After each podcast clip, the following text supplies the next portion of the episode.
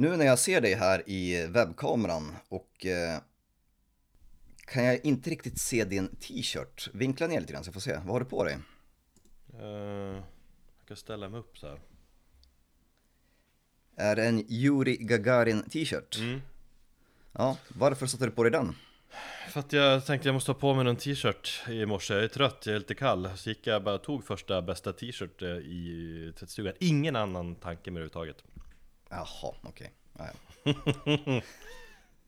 Var inte så kul Men sen är det en av mina favorit-t-shirtar, den är vit också ja. Det gillar man Jag är ju lite mer taktisk när det gäller t-shirtar Jag viker ju dem ut efter ja, när jag har använt dem. Så de nya t-shirtarna som är tvättade lägger jag längst ner i högen så de gamla kommer upp. Så får varje t-shirt sina två speciella dagar. Det är jävligt smart, men jag, eh, nej men jag typ kör på mina favorit t-shirt mycket. Mm. Det är typ den här och så är det min Neurosis t-shirt. Som du har klagat på. Va? Har du på dig den igen? Och så bara, ja, jag har ju tvättat för helvete.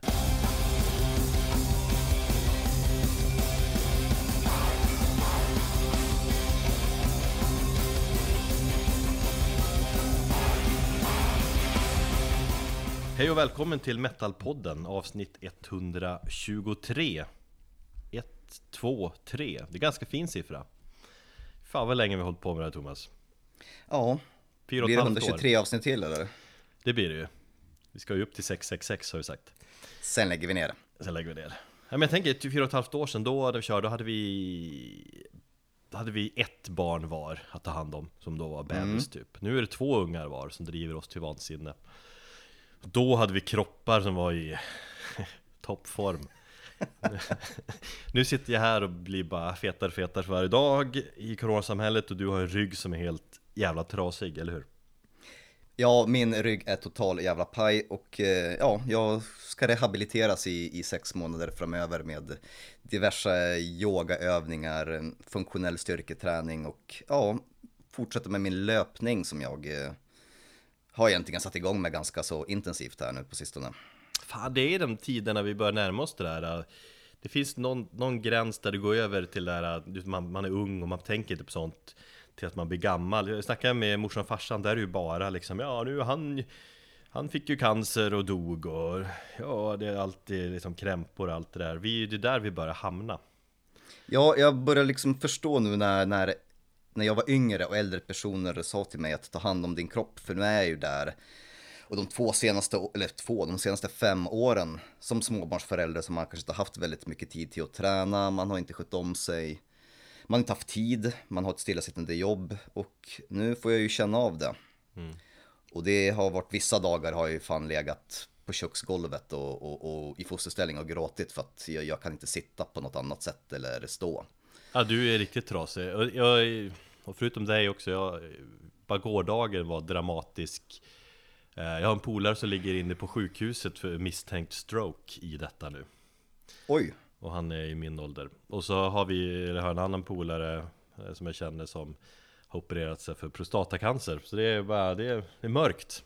Så är det. Det är mörkt, ja. Så ta hand, om era, ta hand om era kroppar i tidig ålder så slipper ni sitta här och gnälla i en podd sen.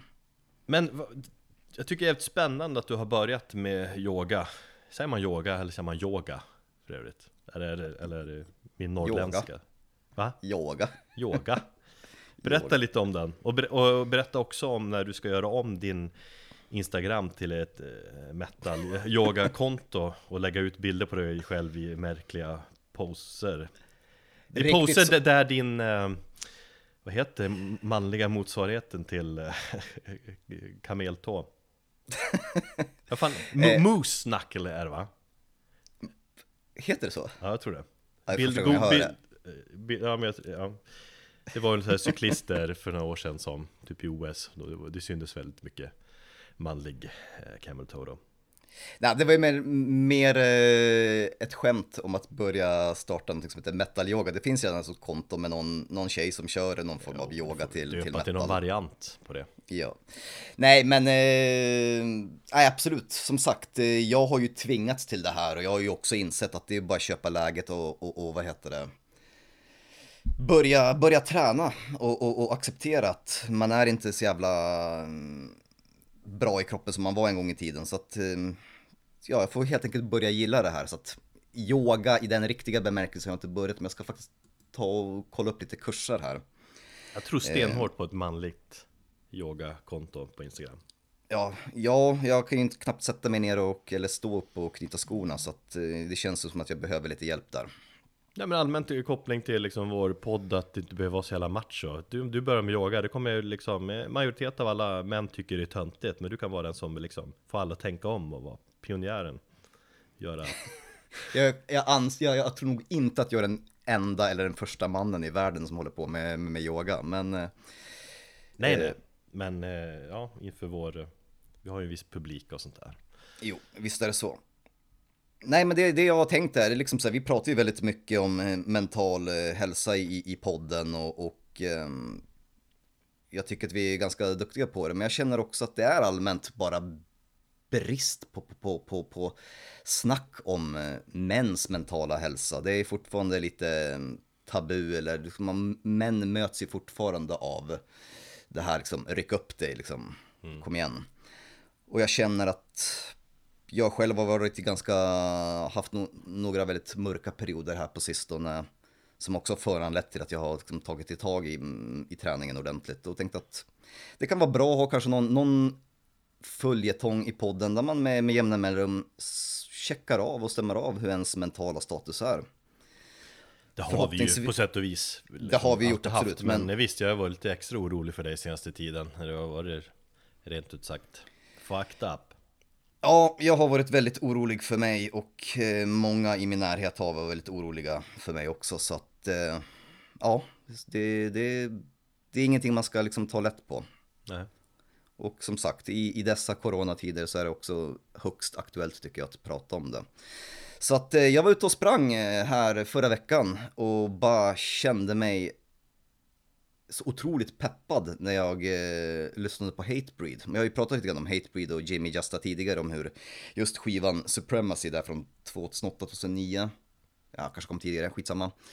Eh, hur mycket den har hjälpt mig i, i min mentala pepp och hur, hur Jamie Justas texter är jävligt eh, bra på att liksom få upp peppen jag har ju tappat bandet på, på, på, de senaste tio åren, liksom, sen den skivan egentligen. Men nu när de släppte den här nya singeln, eh, Weight of the False Self och ett kommande album här som släpps i, i november så verkar det som att tillbaka till eh, gamla, ja till den tiden då, då jag gillade bandet som bäst.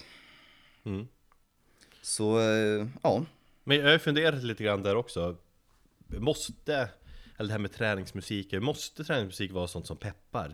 Att det måste hela tiden vara känslan av spring då för fan och det ska vara rätt BPM snackas det om och, eh, Jag går ju för också igång på musik som är aggressiv och, och peppar när jag liksom styrketränar. Fast samtidigt, jag, ofta brukar jag ha på lyssna på sånt uh, Musik som jag liksom, som ligger i pipen på olyssnade skivor och sånt. Måste du känna att, för att du ska kunna träna måste du ha rätt form av musik? Då måste det vara Hatebreed? Nej, det behöver absolut inte vara. Nu var det som att jag hade en random spellista och så bara kom den låten på och jag fick en sån jävla rush liksom. Och jag mm. bara kände att det var inte musiken i sig utan det var faktiskt Jamies, Jamie Justas texter.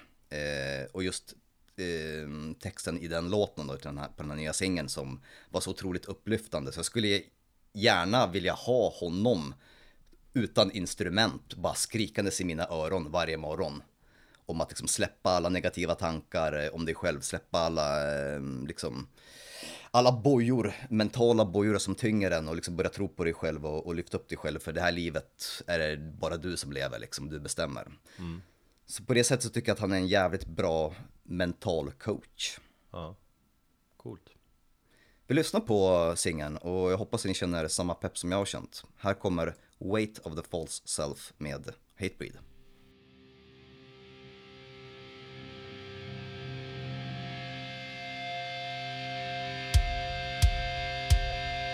If you wanna make a difference in the world, it means you have to be different from the world you see. Free yourself from burdens that you know exist. Don't carry the curse of the fatalist. If you wanna make a difference in the world, it means you have to be different from the world you see. Free yourself from burdens that you know exist. Don't carry the curse of the fatalist. If you wanna make a difference in the world, it means you have to be different from the world you see. Free yourself from burdens that you know exist.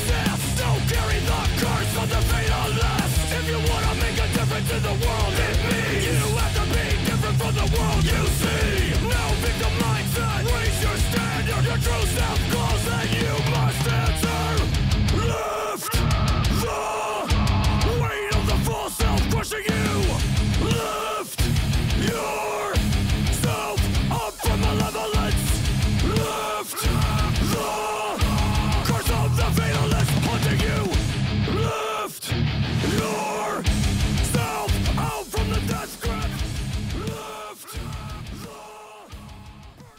I övrigt så fortsätter ju coronasamhället som vanligt här och nu tyder ju mycket också på att smittan går eh, upp igen va? Snackas Åt om en- fel håll. Åt fel håll, snackas om en andra våg och sådär. Nu ska vi, vi ska inte låtsas vara Tegnell men eh, Ja, jag vet inte, man kan väl dra slutsatsen är att det fortfarande är rätt fakt Just för liksom möjligheten att kunna uppleva riktiga konserter och sånt igen en lång tid framöver Dock så finns det några band som liksom lyckas göra en Lyckas vara ute på vägarna trots allt i de här tiderna och spela gig. Corona-gig eh, Vi har ju Mass Worship Som gör det, som har gjort det. Eh, De känns ju lite av pionjärer för att göra en sån här liksom Corona-turné. Ja, precis. Ehm, Vi har ju skrivit lite och snackat lite grann med Klas i, i Mass Worship, sångaren, och fått lite inside info ehm, hur, det, hur det var och sådär. Och det är ganska intressant, men fan, vi kanske ska ringa upp honom och prata med honom istället Ja, istället för att vi ska sitta här och babbla så tänkte vi också att det vore ganska härligt att få någon annans synpunkt och kanske ni får höra någon annan röst. Det är god göteborgska. Vi testar ringa upp och så får vi kanske titta på honom också Då ska vi se då, har vi, uh, har vi Klas med oss här på, på skypen? Uh, jajamän. Tjenare! Hur är läget? Ja, men det är bra, tack. Själva? Eh, Ja, det här lilla, jag är lite sliten Men eh, annars är det bra Det är ju lite speciellt där, det har vi inte gjort riktigt förut Så att, eh, ja, du får Det är första gången Vi kan, ju börja, vi kan ju börja med att säga som sagt, Klas, eh, du är ju sångare i eh, Mass Worship. Men jag tänkte att resten av introduktionen får du själv sköta. Av mig själv då, eller? eller av Metalpodden? Nej, av, ja, dig själv. Vem annars? ja, nej men, eh, ja, nej jag spelar i ett band, band som heter Mass Worship. Uh, vad fan ska jag mer säga? Jag tycker om berg och hundar, Var- vart är vi på väg liksom? Eh, och så, och så gillar du att träna ser man på Ja, Instagram jo men, eh, men så är det ju. Och det, men det är ju typ för att man ska orka med att eh, gå i berg och ha hundar och vara på turné liksom. Eh, Knäböj med, med stora vikter ja, det är ju mäktigt. Knäböj borde folk hålla på med. Det är bra Ja. grejer.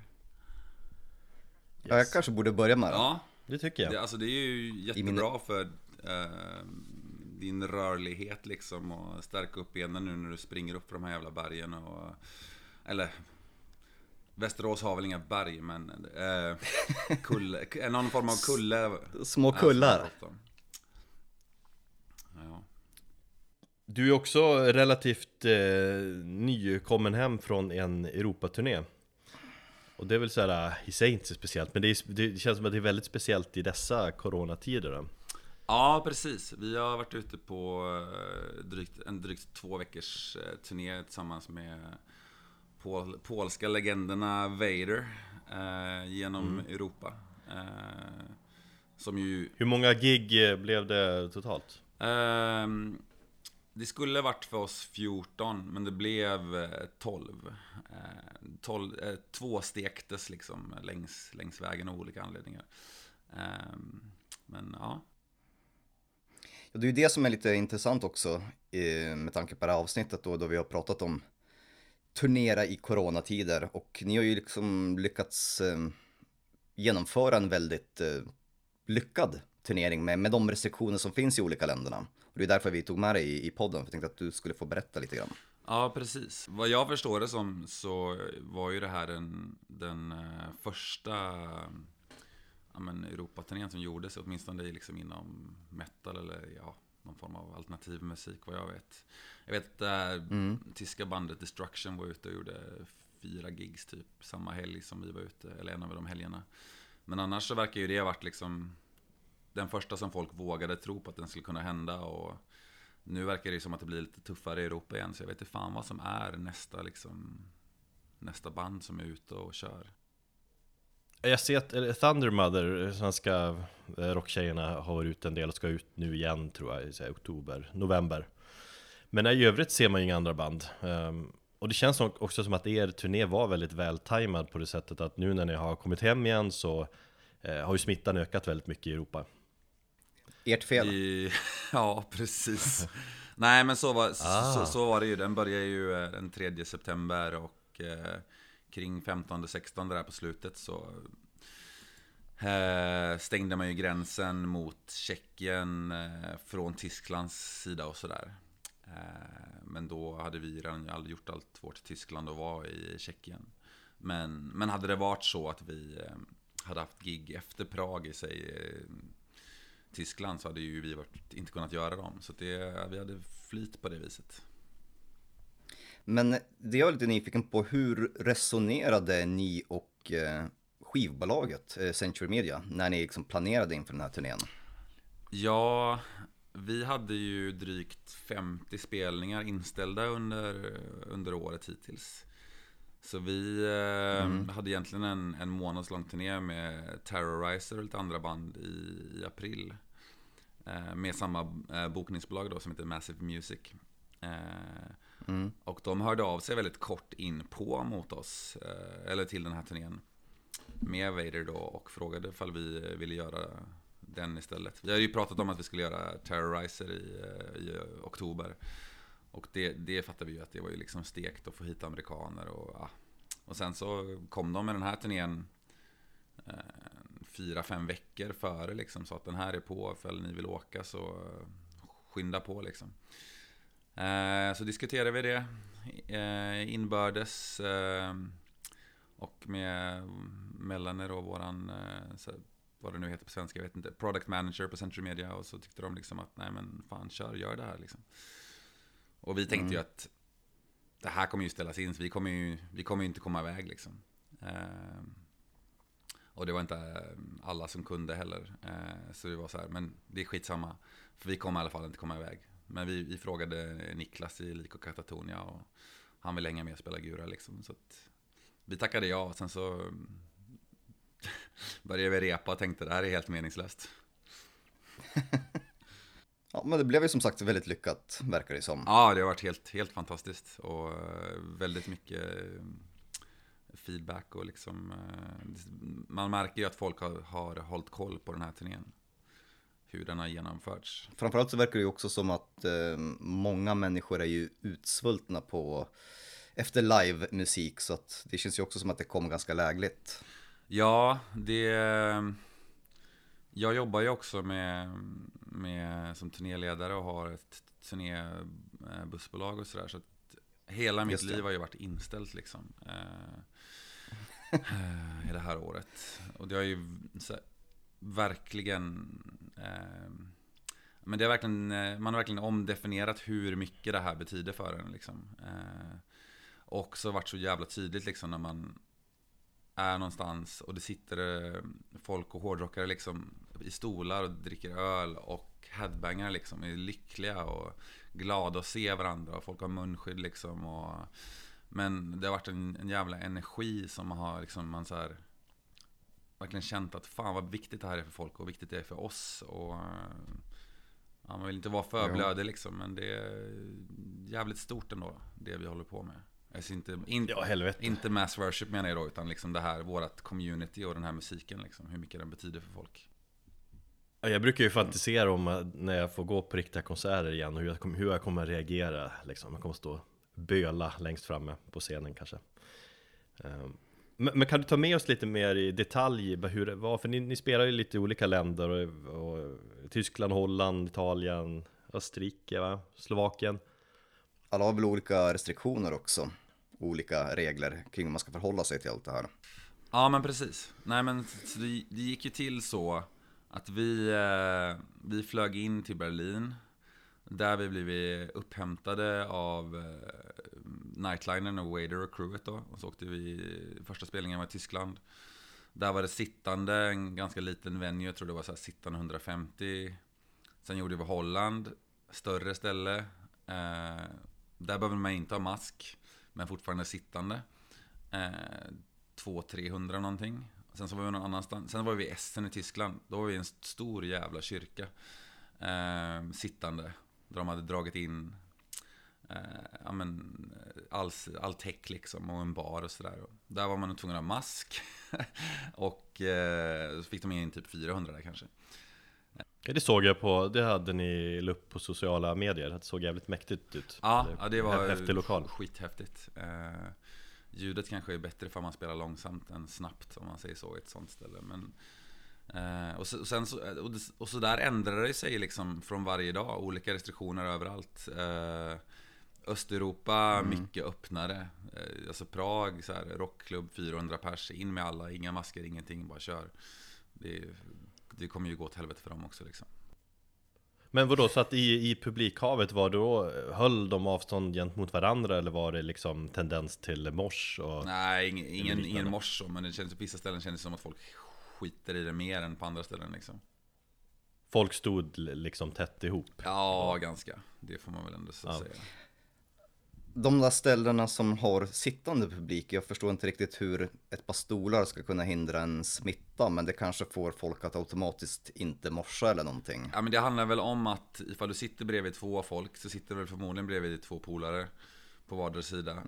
Och då är det väl typ de två du eh, smittar snarare än att du kanske smittar. Du, om du rör på dig kanske du träffar 50 pers som du går förbi. Eller inte vet jag. Det, måste, det måste, Ja, just, ja okej, Så- ja. Det låter lite logiskt ändå. På, på en 400 kap så kanske du kommer i kontakt med 15 pers istället för 100. Ja men det måste ju vara en sån, en sån tanke liksom. Men sen delade ni eh, turnébuss, Hälsan Nightliner med Vader, om jag förstått det rätt Ja precis. Hur går det till där då? Jag menar hur är det ens att, hur är det ens att bo med polacker i, i två veckors tid? Men, Jag tänker mycket helvete. fotsvett och, och eh, ja, med risk Vodka, för smitt, smitta öl. och vodka, precis alltså smittan är väl som att det är klart att det är man, man är tätt in på varandra liksom och att det inte går att hålla avstånd eh, i en, i en nightliner. Precis som du inte kan hålla avstånd i eh, ett närika liksom. Där bor du ur sig inte. Men eller liksom en, ett flygplan exempelvis. Eh, Man, det, det finns ju liksom situationer där du inte eh, kommer ifrån varandra. Så, så, så är det ju Mm. absolut liksom. Eh, Men jag kan ändå så känna, och jag är inte på något sätt liksom så här eh, att jag tycker att man ska bara köra på eller att man ska vara oansvarig på något sätt. Men jag kan känna att turnén så som den utfördes liksom utfördes på samma liksom, risknivå som andra saker vi gör. Som att åka till Mall of Scandinavia eller liksom åka till stranden eller vara på ett gym eller whatever. Liksom. Att det, var så här, det kändes liksom inte som att det var kaos och galenskap utan att det var så här okej, de restriktionerna som finns de följer vi och då går det att göra det på, på det här sättet liksom. mm. Ja, man får anpassa sig efter varje lands sed liksom, ungefär. Ja, verkligen. Eh, så, så, så är det ju. Och, och det ändrades ju också efter vägen. Det, de två giggen vi inte gjorde var ju Bratislava. Då ändrade de eh, kapacitet ner till 50 och då fick vi ställa det. Och sen eh, två dagar senare så höjde de upp det till 250 men då hade vi redan hunnit, eh, ja, då var det redan det kört liksom. Men vadå, när, det- när de ändrade ner till 50 så kände ni att, eller då blir det inte, var det inte värt att Nej men det gick inte att genomföra den spelningen för det var väl eh, flera hundra biljetter sålda och så plötsligt så får du bara ta in 50 av dem. Ja okej Så då, då, stektes Bratislava, det var typ två dagar före den, den spelningen var. Eh, eh, och sen i Österrike så blev vi inte insläppta då. Eh, eller svenskar blev inte insläppta utan att göra coronatest. Eh, vilket ju, eh, då var vi i Schweiz dagarna före så det hade kostat oss typ 7-8 tusen att göra de här testen. Eh, Så då, då kunde, men polackerna, de hade inga restriktioner på sig så de kunde åka in. Vader kunde åka in och spela och crewet kunde åka in. Eh, och även James då, trummisen som är från England. Eh, men, men svenskar, ja, vi, vi fick eh, hoppa av bussen och resa själva till, eh, till, till nästa gig liksom. Mm. Hur var det att eh, vara förband till Vader? Hur är de som personer? Man har ju sina liksom, eh, eller ja, jag som polack då, eller halvpolack då, vet ju hur polacker kan vara. Man har väl kanske ett intryck av att det ska vara seputer och sådär, men det känns också som att det är ganska ansvariga och äldre människor som inte krökar varje kväll. Ja, eh, krökar gör de ju definitivt varje kväll. Eh, Okej. Men, Mina- men de... Att de har ju varit med ganska länge, de har ju, jag inser, de har ju varit med hur länge som helst De är ju nästan gubbar Ja, de börjar ju 83 liksom. Det är ju eh, Mm. såklart inte alla som har varit med sen, eller det är väl bara Peter som har varit med sen 83. Eh, men, eh, nej, men de är ju svingrymma. Alltså väldigt välkomnande och jävligt viktigt för dem att vi hade det bra. Eh, och inkluderande liksom, jävligt coola. Man skulle ju kunna räkna med att man skulle få äta skit liksom. Det var ju eh, mer crewet som det tog några dagar för liksom att de så här eh, man, vad fan, vad fan är ni för några liksom? Och eh, vi spelar långsamt och vad gillar ni för band och bla bla bla liksom. Men sen inser de liksom att så här, okej men eh, Jag tror de tänkte att vi var liksom några jävla barn som skulle med på turnén. Och sen så eh, Okej. fattade de att ja, men, Dadde varit i Wolf Brigade och Nicke som var med i Lik och Katatonia liksom. Och alla vi har turnerat länge och då liksom så här mjuknade de upp. Ehm, och sen så fick vi jävligt fin relation med det crewet som äh, men som är jävligt duktiga och eh, coola liksom. Eh, verkligen eh, skitkul att jobba med dem med liksom. Det, Så inte, så inte nog med att det var en väldigt viktig turné för kanske dig mentalt och, och liksom själsligt att få komma ut på vägarna så verkar det också som att ni eh, Ja, det var ja, viktigt ur, hur, alltså ekonomiskt tänker jag. Gick, gick ni plus, back, hur, hur, hur funkar det i sådana här tider? Nej, sådana här, såna här det- tider går man ju back. Det är gör det, absolut. Men, eh, men som du säger, rent själsligt för alla i vårt band och absolut i Wader och crewet med liksom att få komma ut och göra det här efter eh, sex månaders torka liksom, det är ju fantastiskt. Eh, Mm. Så är det väl för alla liksom. Det, är ju ingen som lever ett normalt liv och gör det som de vill. Så att det är klart att när man får två veckor av det man, som betyder mest för en så är det fantastiskt liksom.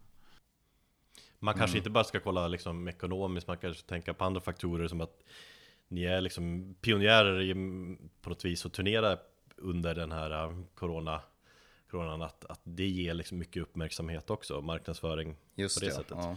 Ja, ja ver verkligen liksom. Och det är också det här eh, att man släpper platta i oktober, man är typ minsta bandet på Central Media och känner liksom att nu jävla kör vi och så bara är det liksom tvärnit eh, fyra, fem månader från att plattan kommer och så känner man bara fan nu tappar vi liksom det här. Och, eh, så det blir ju en, också en, en stress liksom. Eh, som, Mm. som är ju, jag, jag tror att alla i, i vårt band var så jävla tacksamma, både liksom privat och för bandets skull, att vi fick komma ut på det här.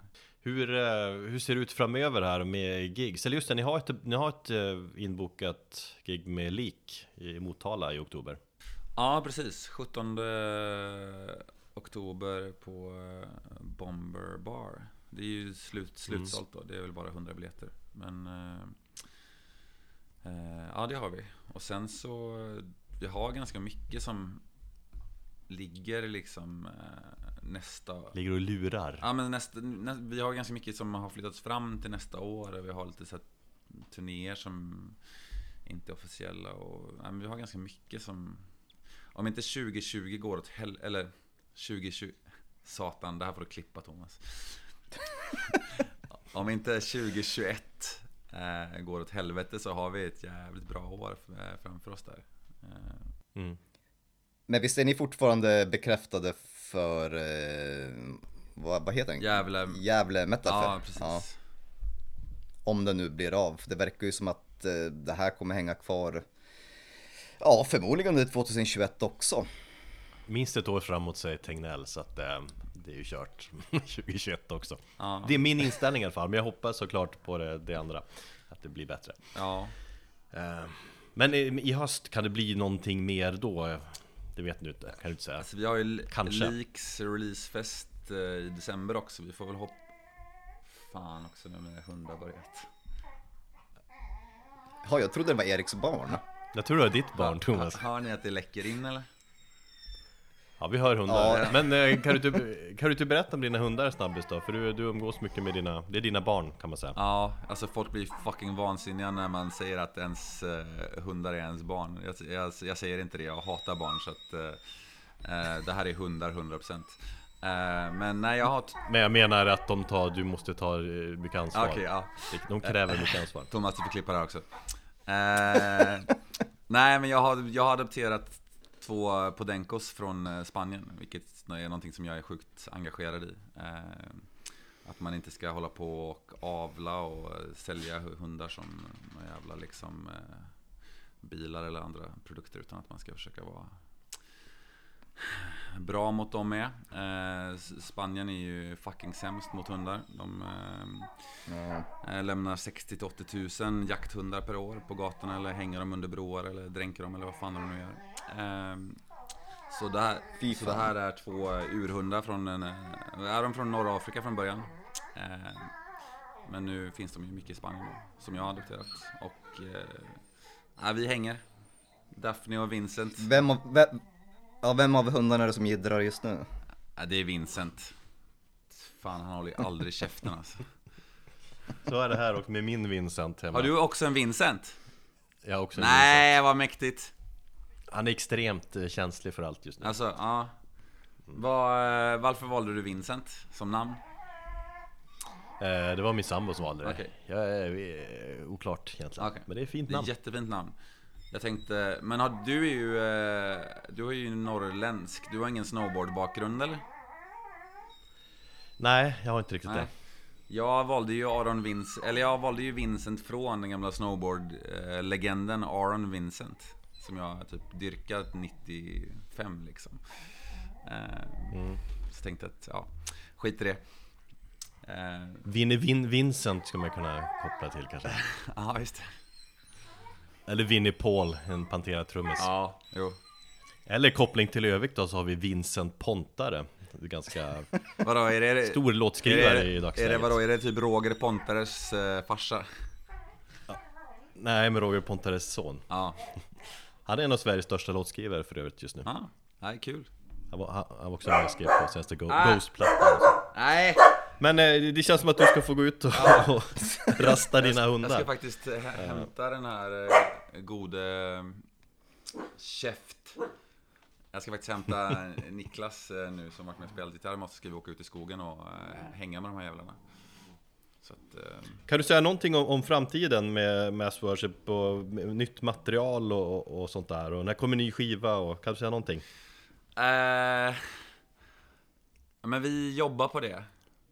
Det är alla, alltså jag menar, det är ju ingen hemlighet att alla band jobbar på nya grejer 2020. Och det gör vi med. Eh, och det är jätte... Eh, det kommer bli jävligt fett känner jag. Eh, men jag vill inte säga så mycket mer än så, för jag har liksom inte sagt någonting utåt eh, om det. Eh, Ni skriver det, musik kanske, det kanske kommer en skiva nästa år, kanske inte. ja, men exakt.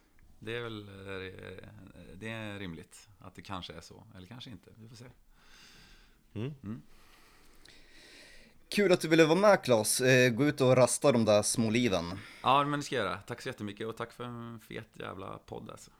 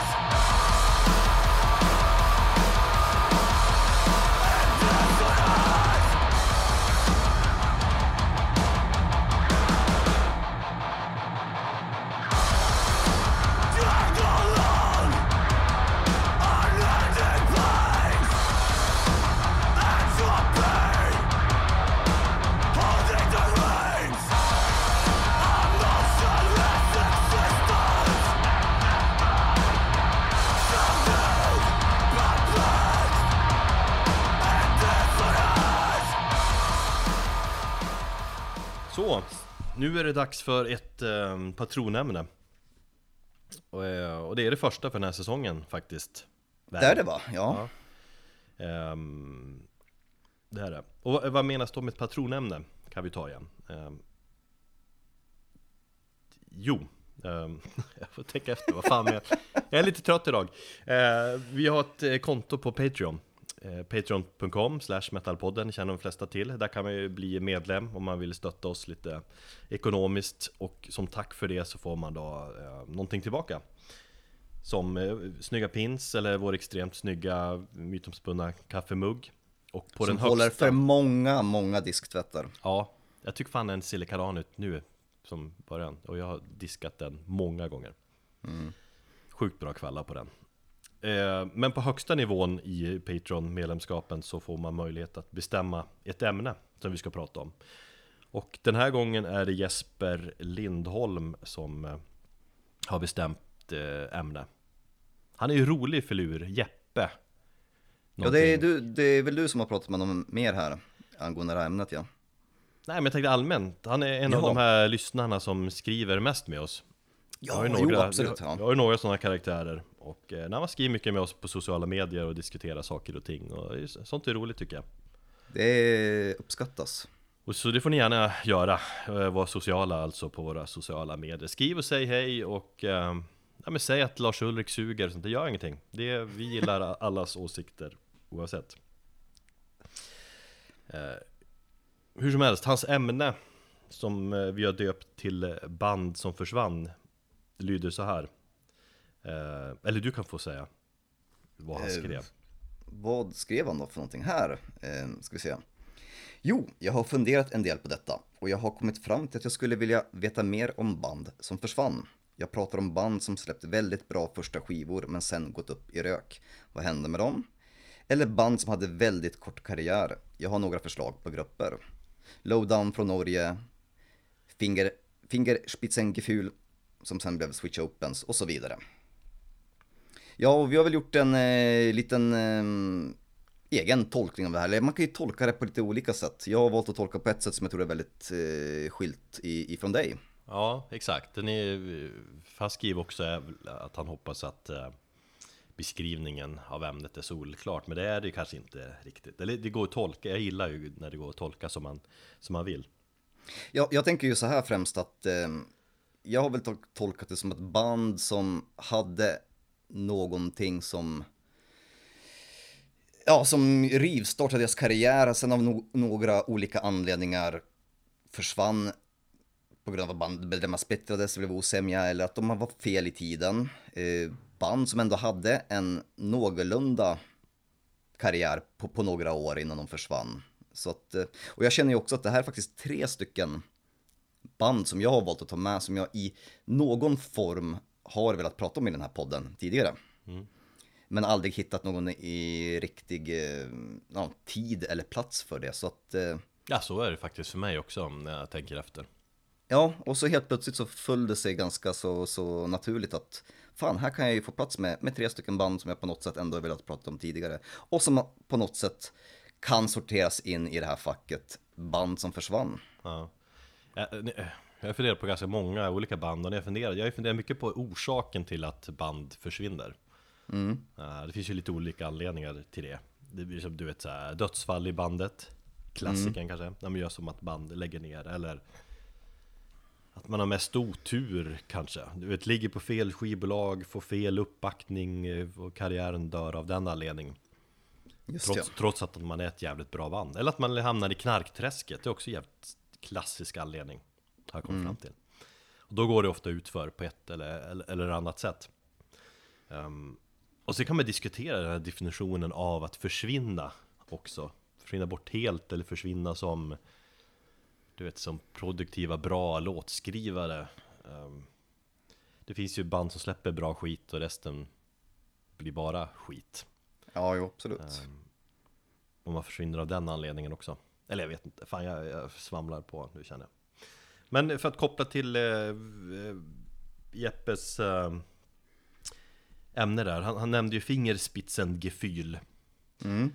I eh, hans ämnesbeskrivning det, Jag minns ju också dem som jävligt bra De var förband till eh, Roses 2007 om jag minns rätt. Um, och hade något på gång. Men sen bytte Mm. de ju namn till Switch Opens där, det minns jag inte riktigt varför de gjorde. Um, som också är bra skit, jag har en skiva med dem. Ja, de blev ju väl väldigt eh, bra omtalade med, när de hette just Switch Opens också. Ja. Men visst, det, alltså, problemet var väl där, det, så att de byt, byter bandnamn och det är inte alla som hänger med på det och då får man liksom börja om lite grann. Mm. Bara, nu heter vi så här, jaha. Ehm, sen tror jag också att eh, han som var drivande i de här banden, är Jesper Skarin. Han, han har ju också spelat trummor i Mr. Loves Company sen de återförenades. Ehm, och sen har han ju sen några år tillbaka ett nytt band som heter Vak. Jag vet inte om du har hört dem? Jag känner till dem, ja. Ja. Som också är, är någonstans i det här uh, sludge-träsket. Så han, mm. Jesper Skarin då känns som en ga- rastlös själ, eller en person som hela tiden kanske vill utvecklas och göra nya grejer. Det är väl kanske en av anledningarna till att band, eller till att hans band aldrig riktigt hunnit slå igenom för en större publik. Och på det viset har de liksom försvunnit, eller vad man ska säga. Men jag rekommenderar VAK. Ja, men först ut då får väl eh, bli jag som börjar den här gången. Mm. Ska vi prata om amerikanska Ashbury. Ett band som egentligen inte var ett band i den bemärkelsen. Det var två stycken bröder som gjorde covers eh, som bildades 1978. Och det var väl inte så jäkla mycket mm, som, ja, de hade ingen, egentligen ingen plan utan var bara att spela eh, ja, covers och, och lira på lokala krogar. Men eh, när de sedan släppte sin debutalbum, sitt debutalbum 1983 som heter Endless Skies så hände det någonting i bandet eh, som gjorde att den skivan blev, ja den började omges väldigt mycket av mystik. Och det är liksom av flera olika anledningar. Ehm, den här plattan då som de hade pressat privat, eh, spelade in bara på någon, någon månad under väldigt så, eh, tidspress. De la ner väldigt mycket tid och tanke på, på så omslag och allting. Och det blev en lokal hit, men inte så mycket mer. Det spelas väldigt mycket i, så på lokala radiokanaler, till och med blev omnämnt som årets album 1983 av någon lokal radiostation. Men, och bandet fick sig en liten, liten hype eh, när skivbolag sen började höra av sig, majorbolag då, och ville skriva kontakt med bandet så eh, vill de ta den här skivan och egentligen bara ställa undan den i en hylla och ehm, sa till bandet att hörni, ni får ta och spela in en ny platta med de här villkoren. Och eh, bandet vägrade hora ut sig och sa att vi tänker inte att vi tänker inte anpassa oss efter något bolag, vi spelar den musiken vi gör. Och därefter så, så splittrades bandet och sen efter det så har det blivit liksom en, en liten form av mystik och en hype kring bandet som egentligen inte har kommit förrän ja, under sent 2000-tal, närmare 10-talet. Soundet uh, låg väldigt fel i tiden. Det här var ju tidigt 80-tal i USA, så får man ju tänka, vad var det som var populärt då? Jo, det var Boy George, det var Michael Jackson, det var pop, det, ska vara, det skulle vara väldigt mycket dansant musik, det var glamrock och deras då Jethro Tull-liknande melodiska proto-metal, eh, ja, doftande mm, rock stod sig väldigt fel i tiden. Så det är också ett, eh, en stor anledning till att bandet bara försvann för att eh, tidsmässigt så låg de fel. De, de låg är- tio år för sent kan man säga då. Ja, det kan man absolut säga eh, att de gjorde, visst. Men, men samtidigt så var det ju också som så att eh, ja, de hade ju en så otroligt stark integritet eh, och, och vägrade anpassa sig. Så att hade de kanske spelat lite mer på, på enligt majorbolagens eh, villkor så hade de kanske ja, blivit mycket, mycket större. Men skitsamma, för att de är, har blivit väldigt stora nu. Deras comeback, om man eh, kan kalla det, har ju blivit väldigt eh, populär. De spelade in ett andra album efter den här debut, eh, debutalbumet som då aldrig, det blev aldrig någonting av det, jag tror det skrotades. Eh, ja, som sagt, bandet gick skilda vägar, eh, sångaren jobbade som DJ. De skrev någonting, ett roligt, en så här ploj-album mycket, mycket senare, som de själva släppte på typ CD-skiva. Eh, som, där de egentligen bara anklagade hela musikindustrin för att vara ett gäng, ja vad heter det, eh, blodsugare. Men 2010 så, så äh, återsläpptes den här debuten då, äh, Endless Skies, äh, och fick då någon form av så här, det var här var ju under tiden då det var väldigt mycket av den här retro-doftande revival-rocken med Ghost och alla många av de här banden på den tiden. Som lät väldigt tidlöst. Och ja, Endless Skies är ju ett väldigt tidlöst album. Om du lyssnar på en idag eller om du lyssnar på en 83 spelar ingen roll, det är fortfarande väldigt ja, det, det, passar inte in i någon tid helt enkelt. Mm. Eh, de gjorde faktiskt eh, en comeback också på live-comeback kan man säga, på Muskelrock 2015 och spelade där. Så de har ju på något sätt kommit tillbaka från att ha varit försvunna under väldigt, väldigt många år. Och eh, 2018 släppte de sitt andra album, Eye of the Stygian Witches, som har gått lite grann under radarn. Eh, de mest inbitna fansen kanske är eh, väldigt glada över att bandet släppte ett nytt album. I och med att det har varit väldigt mycket idéer som har legat begravda och som de har liksom fått tid nu att sätta i pränt. Men det är framförallt debutplattan Endless Sky som är jävligt vackert stycke musik. Och jag bara av en slump så påträffade jag dem för, för, för två år sedan. När jag var ute och surfade på YouTube och, och blev väldigt tagen av, av musiken. Coolt, jag har faktiskt inte hört dem. Jag kan inte säga någonting alls. Nej, men då tycker jag att vi lyssnar på eh, inledningsspåret då, eh, på debutplattan Endless Skies och det heter The Warning och är faktiskt en dikt av sångaren då som sen hade tonsats och gjorts om till ett musikaliskt stycke.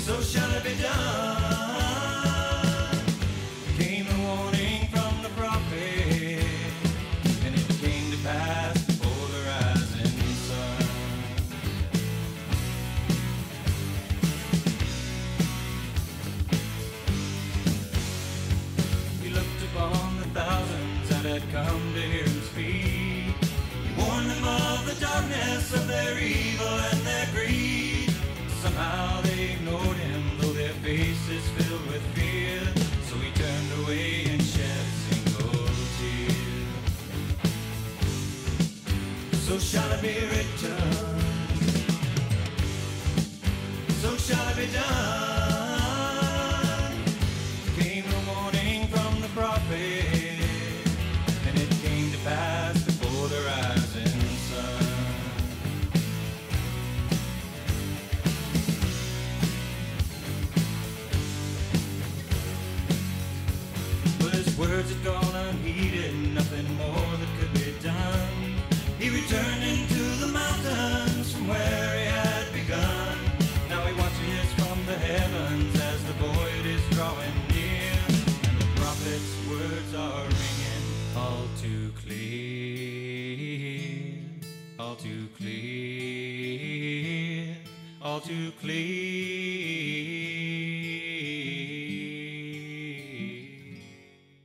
första jag tänkte på, eller det första bandet som kom upp i skallen när jag, när jag läste det här liksom, patronämnet om band som försvann, Led Zeppelin. Det här mm. var ju verkligen ett band som släppte ett gäng odödliga klassiker under en typ tioårsperiod. För att sen försvinna och anledningen till det är ju att trummisen från eh, eller John Bonham dog ju Den här klassiska rockstjärnedöden när man eh, drunknar i sina egna spyor Äh, fy fan. Ja men samtidigt, det det var, de var ju så stora så att man kan kanske inte riktigt klassa in dem eller ja, jag vet inte. Ja, ut- ut- utifrån beskrivningen till ett antal plattor som var jävligt bra, sen försvann de. Eh, nej men och där bestämde de sig för att lägga ner bandet och de insåg väl att de aldrig skulle kunna vara samma band igen utan eh, Barnum liksom. Och sen var väl hans död, det var väl ett wake-up call också till de andra medlemmarna för de var ju också långt ner i, i knarkträsket. Um, så att liksom om det inte var John som dog kanske någon annan medlem hade gjort det. Eh, Men den här storyn känner ju alla till egentligen. Jag tänkte prata om ett annat brittiskt band, ett lite nyare band som eh, till viss del också påminner lite grann om Led Zeppelin och det är The Darkness. Som, eh, ja men då slog igenom med dunder och brak 20, 2003 när den här debutplattan Permission to Land släpptes. Och, eh, Fan vad jag hatade det bandet när de kom och den här första singeln som släppte. Jag gjorde också det. Alltså när man såg bilderna på dem och, och så kände man att, vad va fan, du vet. Jag tror, jag, ja, ja, jag förstår precis vad du menar. Jag tror det har att göra med att man kanske inte riktigt var insatt i den stilen eller att man Det var ju lite grann gjort med glimten i ögat, eller hur? Absolut, ja men eller både och, för det var, det var den här glamlooken och det var eh, så här catsuits med öppet i, i bröstet Du vet, och det var diverse läder och skinntights och det var djurmönster och sådär Så man tänkte att nej, det här borde jag inte gilla Men så kunde jag liksom i, i längden, jag kunde inte vär, värja mig från Säger man så? Värja sig Ja, Ja. för- från plattan. För det är en, det är en sinnessjukt bra rockplatta. Det är en blandning av det är AC/DC riff och det är mycket Queen och det är Kiss och allmänt sådär storslagen, välskriven, bra jävla arenarock. Fast Jag kan, ju, kanske... ab- ja, jag kan ju absolut själv eh, omvärdera musiken idag, för jag lyssnade lite grann på den här innan vi skulle sätta igång och spela in. Ja, Så att eh, den här Gatekeeper Thomas från typ 10-15 år tillbaka i tiden, han, när det gäller just det bandet, han, han finns inte längre. men om du tar bort den här äh, ytan och liksom looken på dem och bara lyssnar på musiken så hör du ju att det är fan bra. Ja, absolut. Absolut. Men sagt, ja, det är mycket gammalt, för det det är lite, samtidigt lite modernare och det är lite, kanske lite tuffare tappning skulle jag säga.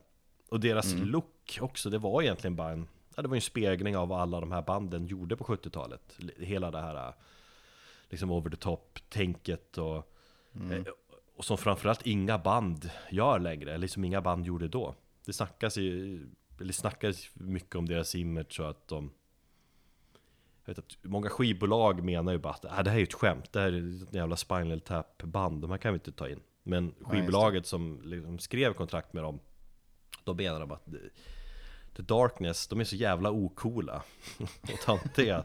Och just därför blir de coola liksom. Ja. Och sångaren Justin Hawkins menar ju också att ja, men, spela i ett rockband är ju fånigt egentligen. Att, alltså, I grunden är det ju underhållning och det ska vara roligt. Det behöver inte vara så jävla dödsallvarligt hela tiden och stå där i sina jeans och t-shirt och vara tråkig. Liksom. Och, och jag vet inte, på många sätt har han ju rätt också. Om man tar det från den vinkeln. När var det de var som mest aktiva? Jag har lite svårt här att särskilja årtalen. Var det mitten av 2000-talet eller? Ja, 2003 så sagt kom den och då, då blev ju supergenombrott alla de här singlarna Just ja. Mhm. Growing on me, I believe in a thing called love, det var det väl debutsingeln tror jag då. Det var den som provocerade mig något så djävulusiskt. Ja, men sjukt bra låt där och så Justin Hawkins då med sin speciella sångstil som, ja, visst många menar att det är en rip-off på Freddie Mercury, det håller jag inte riktigt med. Jag rådiggar hans liksom falsettsång och Plattan pl- sålde väl typ såhär kvadrupelplatina och- i England och de vann typ alla priser man kunde vinna med bästa skiva och bästa band och allt sånt där. Och sen skulle de ju påbörja liksom, eller turnén efter det kom knarket in och eller, ba- bandet blev så aldrig så likt igen liksom. Ehm, ut på Men turné, vad- mycket, mycket droger var det och de skulle påbörja inspelningen av uppföljaren så hoppade basisten av. Um, Kom liksom inte riktigt överens och sen där andra skivan, One Way Ticket to Hell and Back var ju Det blev en av de här dyraste i världshistorien. Jaså? Ehm, jag läste om det där, med dagens inflation och sådär så gick den på nästan 30 miljoner svenska. Mer än eh, Guns N' Roses Chinese Democracy. Uh, nej, den är väl högre upp. Men det finns ju några så här. Black Album var ju också inte billig att spela in och sånt där. Nej. Äh, men den kostar ju multum. Så, så, och när väl skivan kom var det inte alls samma grej. Nu... Ja, jag vet inte. Det var, jag har ju, nu har jag inte hört den skivan på 15 år, jag har lyssnat lite grann men det, det var ju en besvikelse. Det var ju den klassiska prestationsångesten som kom som fanns. Sen gick ju ryktena om liksom knarkmissbruket och Justin Hawkins han åkte ju in på rehab strax efter det och sen hoppade han av bandet. Han var väl ganska långt ner i dragarna, eller hur? Ja, han var långt åt helvete ner i träsket. Mm. Um, och där dog ju The Darkness också. För han hoppade av och så sen... Just han, han bildade hot, bandet Hotleg sen också som jag i och för sig gillar. Men resten av The Darkness de körde eh, ett annat band och så sen återförenades de någon gång på 10-talet här. Men det var ju liksom... Vi hade fler avhopp och grejer men det var det är inte samma grej. Jag vet inte, nu när jag lyssnar blir det mer... Fan, det känns, de känns ganska tacky, ganska barnsligt, lite såhär Steel Panther på något vis. Mm. De, för, de försvann som grymt band efter debuten och kom aldrig upp liksom, i den piken eller toppen igen. De blev för stora för snabbt. Uh, de pikade och dog. Och knark. Ganska klassiskt. Ja, verkligen. Men jag tycker att vi, ändå går, att vi ändå går tillbaka till debutplattan Permission to Land. Innan de försvann ner djupt i knarkträsket och mm, meningsskiljaktigheter och allt det där blev som en skugga överallt. Och den här plattan är rätt nostalgisk för mig också. Vi, vi körde den extremt mycket liksom, i kollektivet i Umeå på fest och sådär Och så lyssnade vi på låten Get Your Hands of My Woman. Vi övade mycket på falsettsång på den tiden.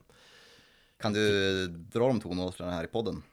Nej, det kan jag ju inte längre. Men ganska bra då, det är viss känsla och liksom eh, kunna försöka sjunga Get Your Hands of My Woman Motherfucker i falsett och, och sjunga You Can't i falsett Som jag sjöng på bryggan och sånt där. Eh, det kan jag absolut inte göra längre. Ehm, men jävligt bra låt.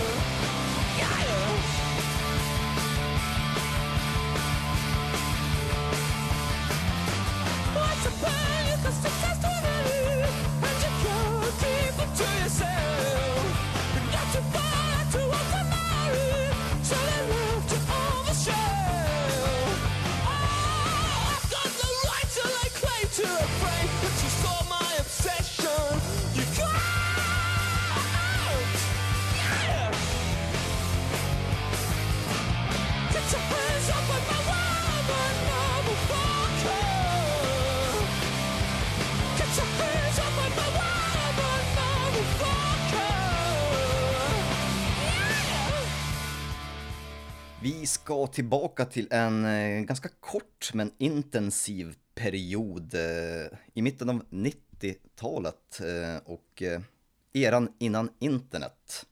Då MTV Headbangers Ball var typ kanske på slutskedet av sin popularitet.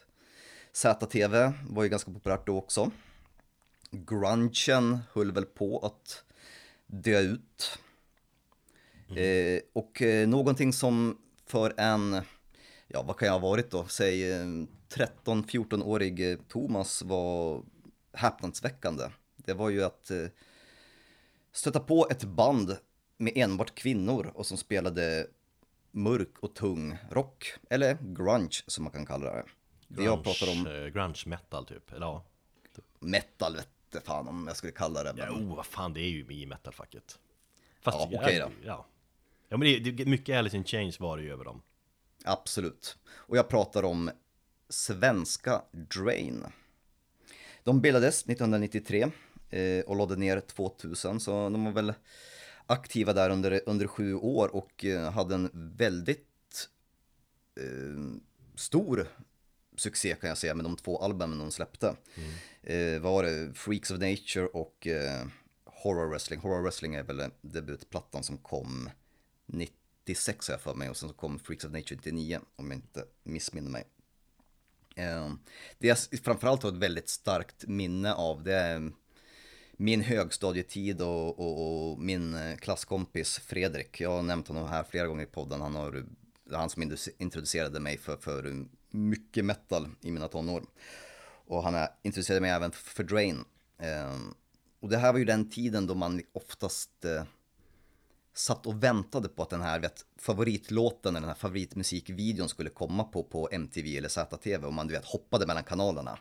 Och blev så jävla glad, vet, där är den, där är den. Liksom, det är ju inte samma enkla tillgång till musik som man har idag där man kan bara leta upp saker när man behagar det.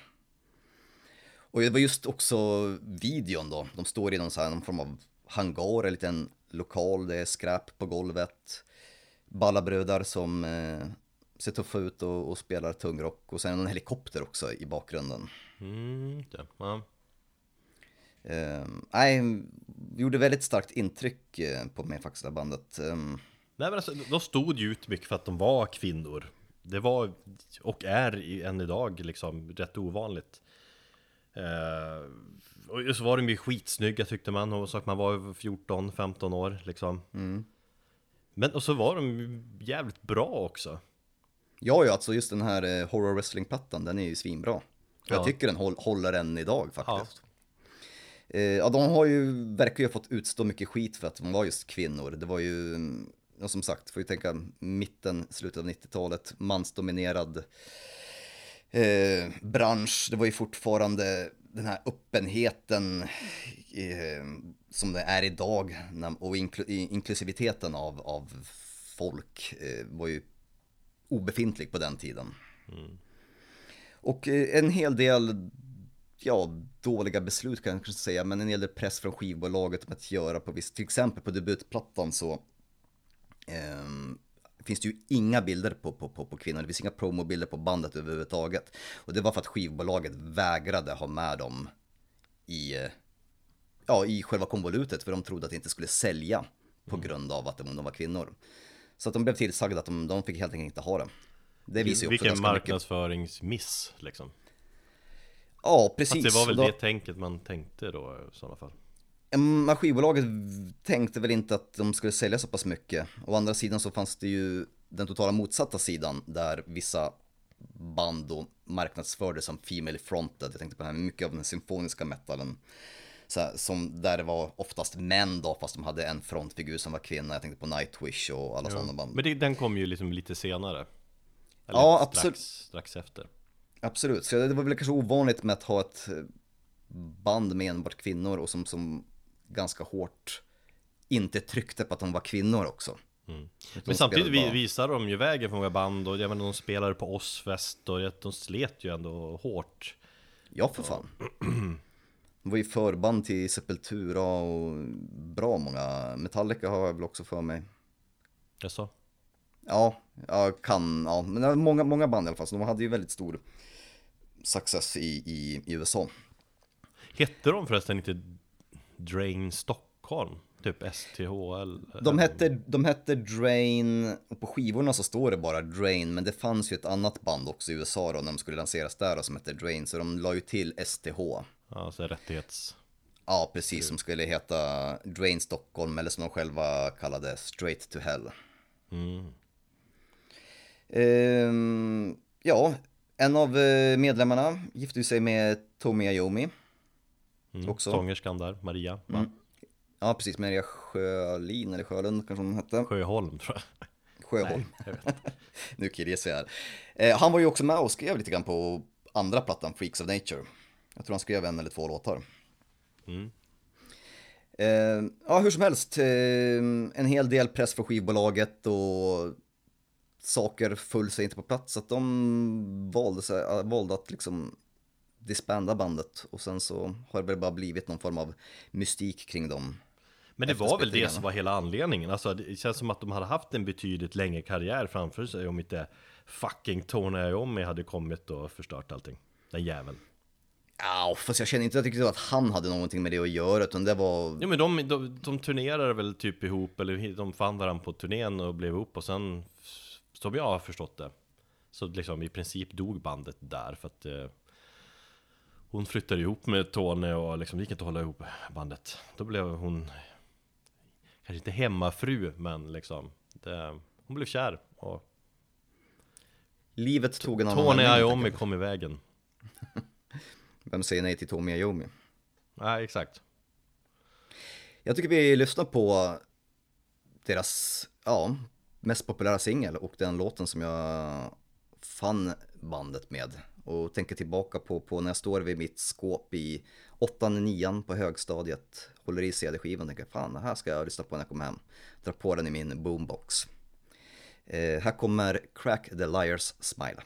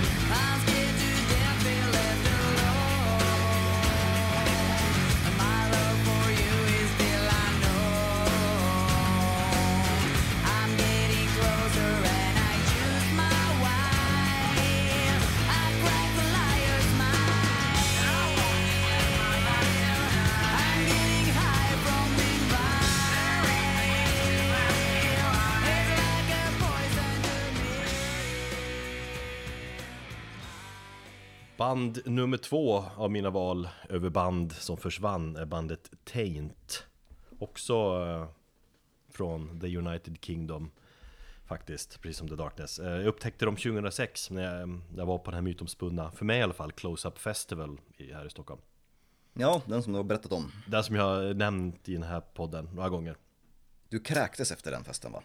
Nej, det var så förfesten Så festade jag på glatt Och dagen efter så var jag bakis Spydde i en eh, papperskorg Och det är en, en mamma med sitt barn tittade på mig Och hon tittade på mig med avsky. Sen fick jag bara i mig en halv banan den dagen innan Kaltveluna gick på halv fyra på eftermiddagen typ. Men sen hade jag jävligt kul. Eh, nej men det var ju så, det var ju fan, gjorde starkt intryck, det var många grymma band, det var coolt upplägg och jag var väldigt par partyglad den där helgen. Singel och alkad typ, som man, som man var Ja. eh, En av scenerna var på Kolingsborg, den här byggnaden mitt i mm, Slussen Just ja. Smutsigt och härligt och, och det fanns en liten tight scen där och där spelade de här Taint som jag hade eh, noll koll på eh, Och därmed också noll förväntningar och så var de så här satans bra De kategoris kategoriseras väl in som i det här stoner sludge genren på något vis Ja, fast med lite, ja, jag tyckte jag hörde, hörde lite HC i det också, men jag vet inte. Ja men jävla sväng, coola riff, finurliga riff och hårda, lite Masteron-vibbar Fast rockigare på något sätt Mm. Eh, ja, men en, en sån där konsert som man direkt efteråt bara sprang Och köpte plattan Och så skrek man 'Fy fan vad bra det här var' Och så kände jag att det här, det här är mitt nya favoritband Det är inte så ofta man upplever det nu liksom. Jag tror faktiskt nu när du säger det, du har faktiskt pratat om Taint tidigare, just när vi pratade om den här close-up-båten. Ja, det har jag Eller close-up-festen. Det har jag säkert gjort. Eh, Men i så fall så nämner jag dem igen då. Ja, jag kan ingenting om dem så jag lyssnar. Ja. Nej, jag kan inte så jävla mycket mer om heller så här. Um, men, men, men min tanke var ju då att de här kommer ju bli stora som satan, de här är är sjukt bra Men så blev det inte riktigt, de hade precis släppt den här fullängdaren året innan och sen kom en fullängdare till Innan de la ner 2010 och ja, den orsaken kan väl vara många men, men de hade ju varit med ganska länge, bildades 94, släppt massa demos och sådär. Så de hade väl liksom kanske var less på att kämpa på. Och sen startade sångaren och gitarristen där ett nytt band 2000 Ja, 2010, precis när de la ner Taint Som hette Hark. Som var väl lite i samma stil och också bra Och det känns som att det satsades lite mer från skivbolaget då Det finns lite så här äh, välproducerade, snygga musikvideor också Men efter två fullängder så la de också ner 2017 och Fan, jag känner igen Hark. Ja, ja de är bra. Eh, och där gav de en orsak till varför de lägger ner. Och liksom, att de har helt enkelt tröttnat. Eller de, de, de sk- skrev så här eh, som orsak. Uh, skrev, External personal situations, interpersonal dynamics and personalities. Fatigue on and off the road, maintaining relationships and family commitments. Weaving in and out of the pitfalls of the music industry. All the while main, maintaining creative, creative flow and personal happiness. It's certainly no picnic. Det är liksom bara spä ut, det känns som en perfekt sammanfattning om varför band ger upp. Jag tyckte det var så jävla talande Ja. och, och mörkt liksom. Och hur det hela musiklivet kan vara. Ja, Det är en hård bransch helt enkelt. Och ACDC Mm. sammanfattar det ju också jävligt bra på 70-talet med låten It's a long way to the, to the top if you wanna rock and roll. Det är liksom hela... Ja, det Jag tror bara... du har sagt det tre gånger i den här podden, de tre senaste avsnitten. Kolla upp den låten. De är bra Ja. de där ACDC va? Jag har hört talas om dem. De är tillbaka dessutom. Vilket gör mig fan... Största anledningen den här veckan till att jag kände lite lycka. Eh, Men så är det, det är ett jävla helvete att hålla på med band och kämpa på och få allt att gå ihop där hemma och med jobb och kämpa, det är jävla liksom. Ja, oavsett, oavsett på vilken nivå man är i. Ni verkar inte heller ha en picknick Nej, i Nihilistic Vision. Nihilistic Vision. De har släppt en, eh, eller vi har släppt en EP, får ni lyssna på för övrigt. Bra skit. Nej, vi har inte heller lätt, fast vi hade jävligt bra rep eh, senast. Det är en lång väg till toppen om man vill eh, rock'n'rolla. Och det var det även för, eh, för, eh, fick jag hjärnsläpp här, för Taint. Ja, de och Hark sen, som kom sen. Eh, men vi går, vi går tillbaka till Taint, som enligt mig då hade potentialen att bli mycket större än vad de blev. Men det är en för hård kamp, de är ledsnare. Vi ska lyssna på debutplattan The Ruin of Nova Roma. En platta som jag varmt rekommenderar. Och så lyssnar vi på låten Drunken Marksman. Väldigt coolt, cool låttitel och jävligt, jävligt bra låt. Som jag fick höra live och jag minns att under den låten så vände jag mig till min polare Svenke och vi bara tittade på varandra och liksom så här log och fuck yeah.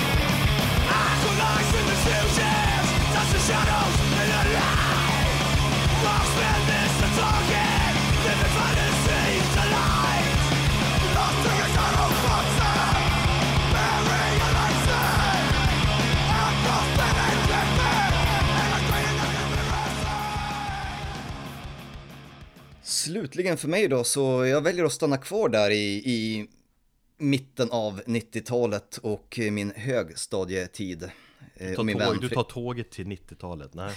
Ja, precis. Jag tar tidsmaskinen tillbaka till 90-talet. Och till eh, bandet A Canaris Quintet som hade en stark påverkan på, på mitt musiklyssnande. Eh, det här var i samma veva som jag upptäckte hela den här melodiska Göteborgsvågen då med min Flames, Dr. Quality och allt sånt. Så att då ha ett band då, som spelade typ av melodisk black eller dödsmetall. Det är väl ja, en, en eh, balansfråga var, var de ligger någonstans. Men melodiskt där i alla fall. Eh, A Canaris Quintet startade som en eh, kvartett eh, 1991 och hette då A Canaris Quartet. Eh, tills de då tog in en femte medlem och bytte namn. Eh, det var 93 som de bytte namn. Sjukt Och- eh, dåligt bandnamn ju. Det är ju största anledningen att de aldrig blev något. Men kan du presentera, liksom, kan du säga liksom Har du hört eh, Kenner's Quintet? De är ju svinbra. Så man, va? Vilka då? Ja, vänta, vi, vi kommer till det. Jag tycker de hade, de hade någonting väldigt eget där. Men mycket... Absolut, men jag tänkte bara spontant kring bandnamnet sådär. Du, jag har material för ett helt avsnitt om dåliga bandnamn. Mm, skriv upp det som ämne. Ja, plats nummer ett, In Flames. Det är ju så jävla dåligt. Nej, det är enkelt. Alltså om man, om man jämför med dödsband emellan då. Okej, och alla som har någonting med Dark eh, försvinner också. Så du såg Dark Dark, Funeral, Dark- Tranquility. Ja. I alla fall, tillbaka till Acaneros Quintet. Eh, de splittrades 1999 och här blir det en jävla sörja som jag bara orkade inte ge mig in i. Eh, när Acaneros Quintet då splittrades så startade många av medlemmarna bandet The Plague som sen bytte namn till This Ending och som är aktiva än idag.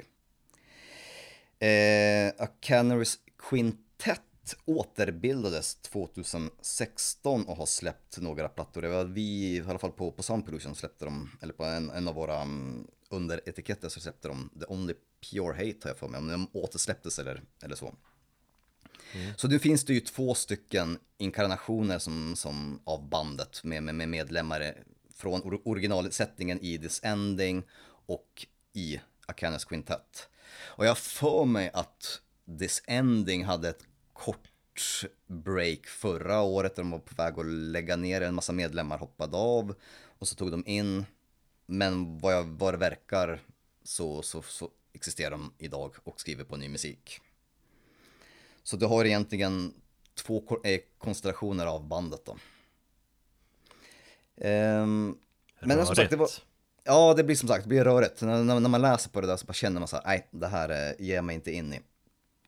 Eh, nej men som sagt, det var väldigt talande omslag också så här handmålat, eh, väldigt typiskt 90, 95 för alla de, många av de här black eh, och dödsmetallbanden. Eh, och jag minns att det var väldigt mycket aura kring, kring det här albumet när jag fick den då i handen som så många andra CD-skivor och min vän Fredrik.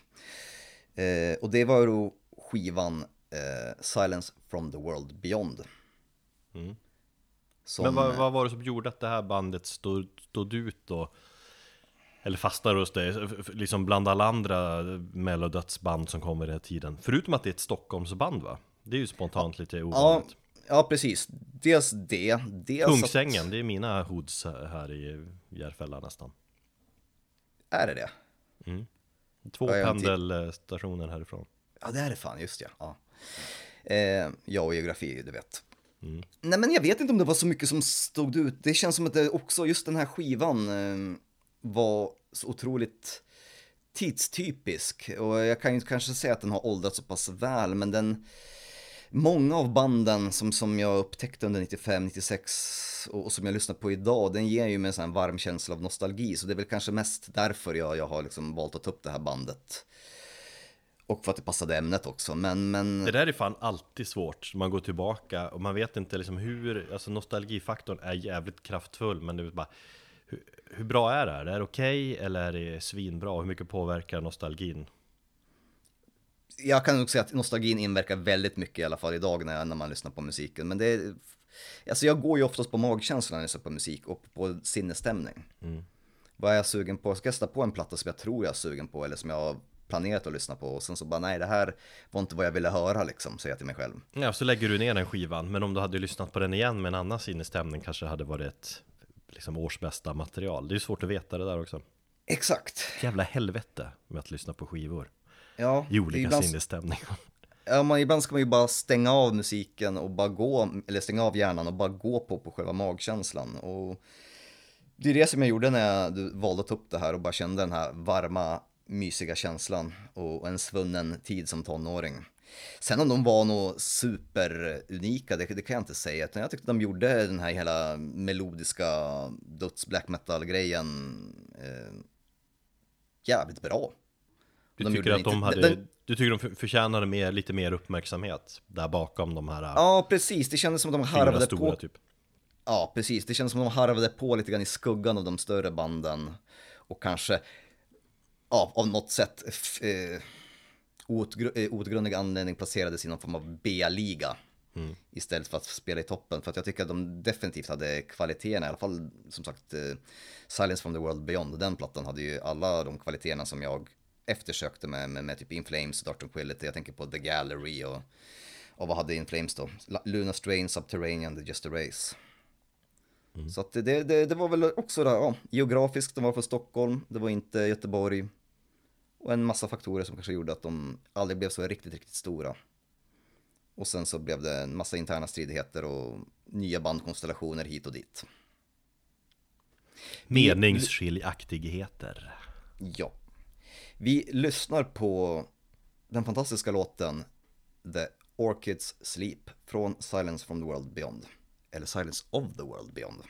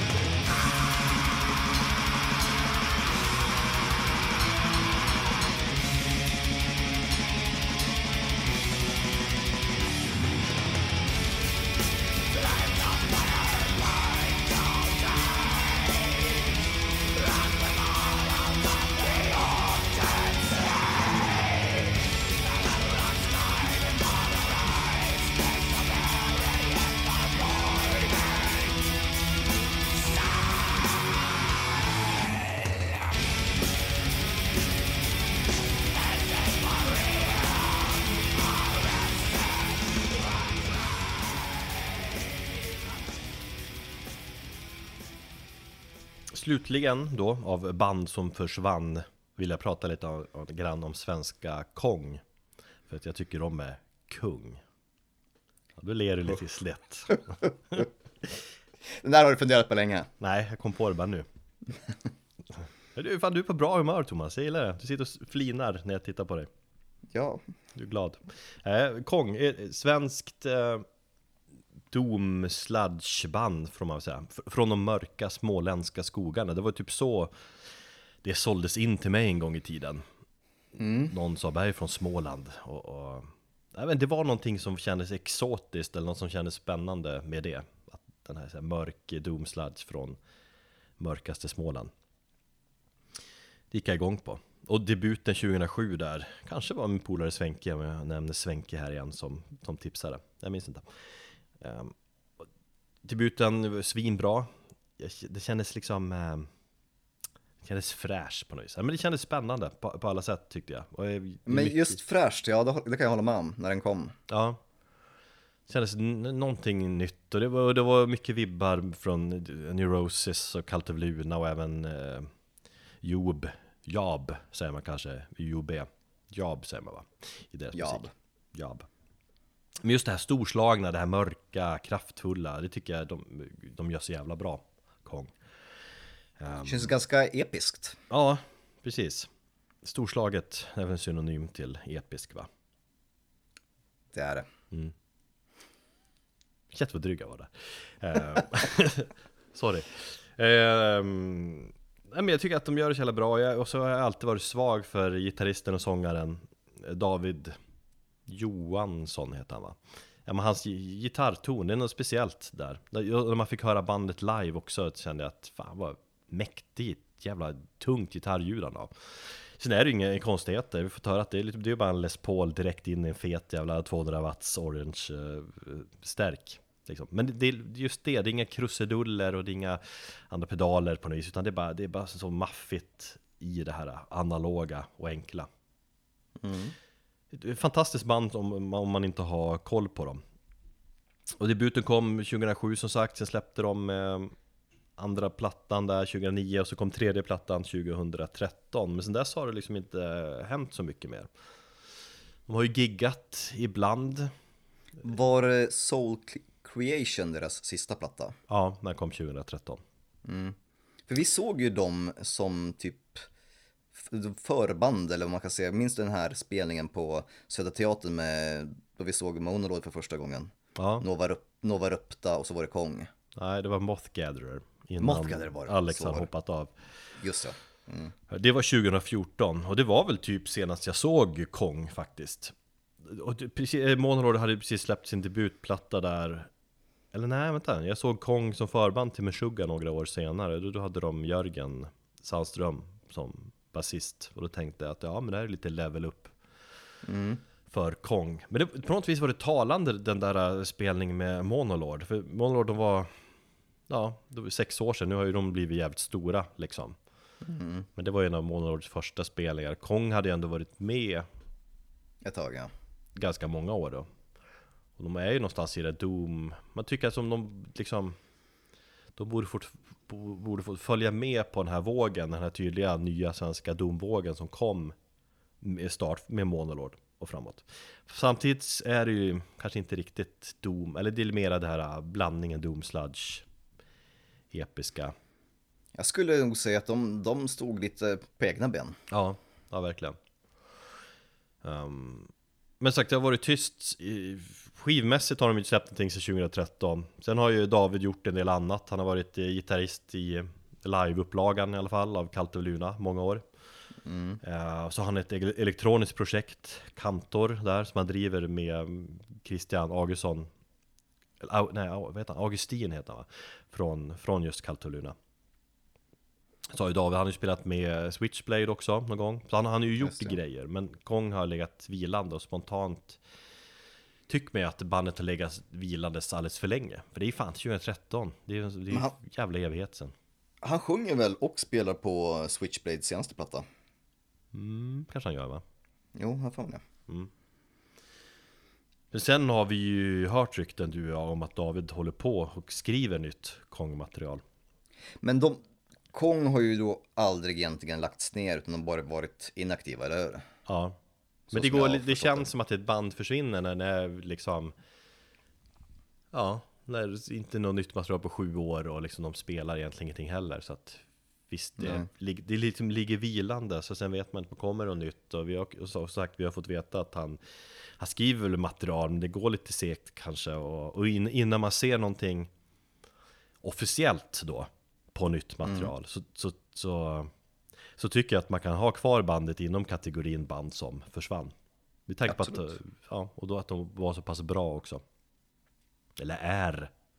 De är ju fortfarande active tror jag På Metal Archives. Men eh, det skrivs fortfarande, eller det David skriver fortfarande, eller han skriver på musik. Ny musik då, som jag förstått det. Enligt Tim Gör han ju det. Vår vän Tim mm. Det får vi se.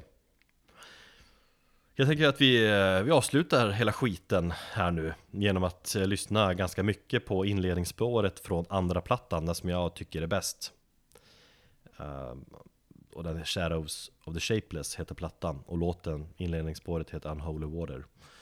Så vi hinner väl med där tror jag På 4 minuter 22 sekunder ett intro, en vers och en refräng Det säger någonting om musiken Det hade ju inte funkat, det hade ju inte funkat i mello-sammanhang där Där ska man hinna med typ ett intro och eh, två verser och bryggor och refräng och slutrefräng och ett stick Och en tonartshöjning på tre minuter Ja.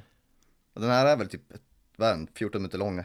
Annars, Nej, inte fullt Men nu har jag avslutningsspåret på skivan är ju typ 15 minuter All right. Och med det är vi klar Ja. Nu tar två stycken permitterade poddar helg här. Ja, jag tänkte käka lunch, sen tänkte jag åka och simma faktiskt Fan vad glad jag blir. Och basta lite med andra gubbar Du får ta och börja springa så får vi börja peppa varandra. Mm, Och göra, gör göra metal-yoga.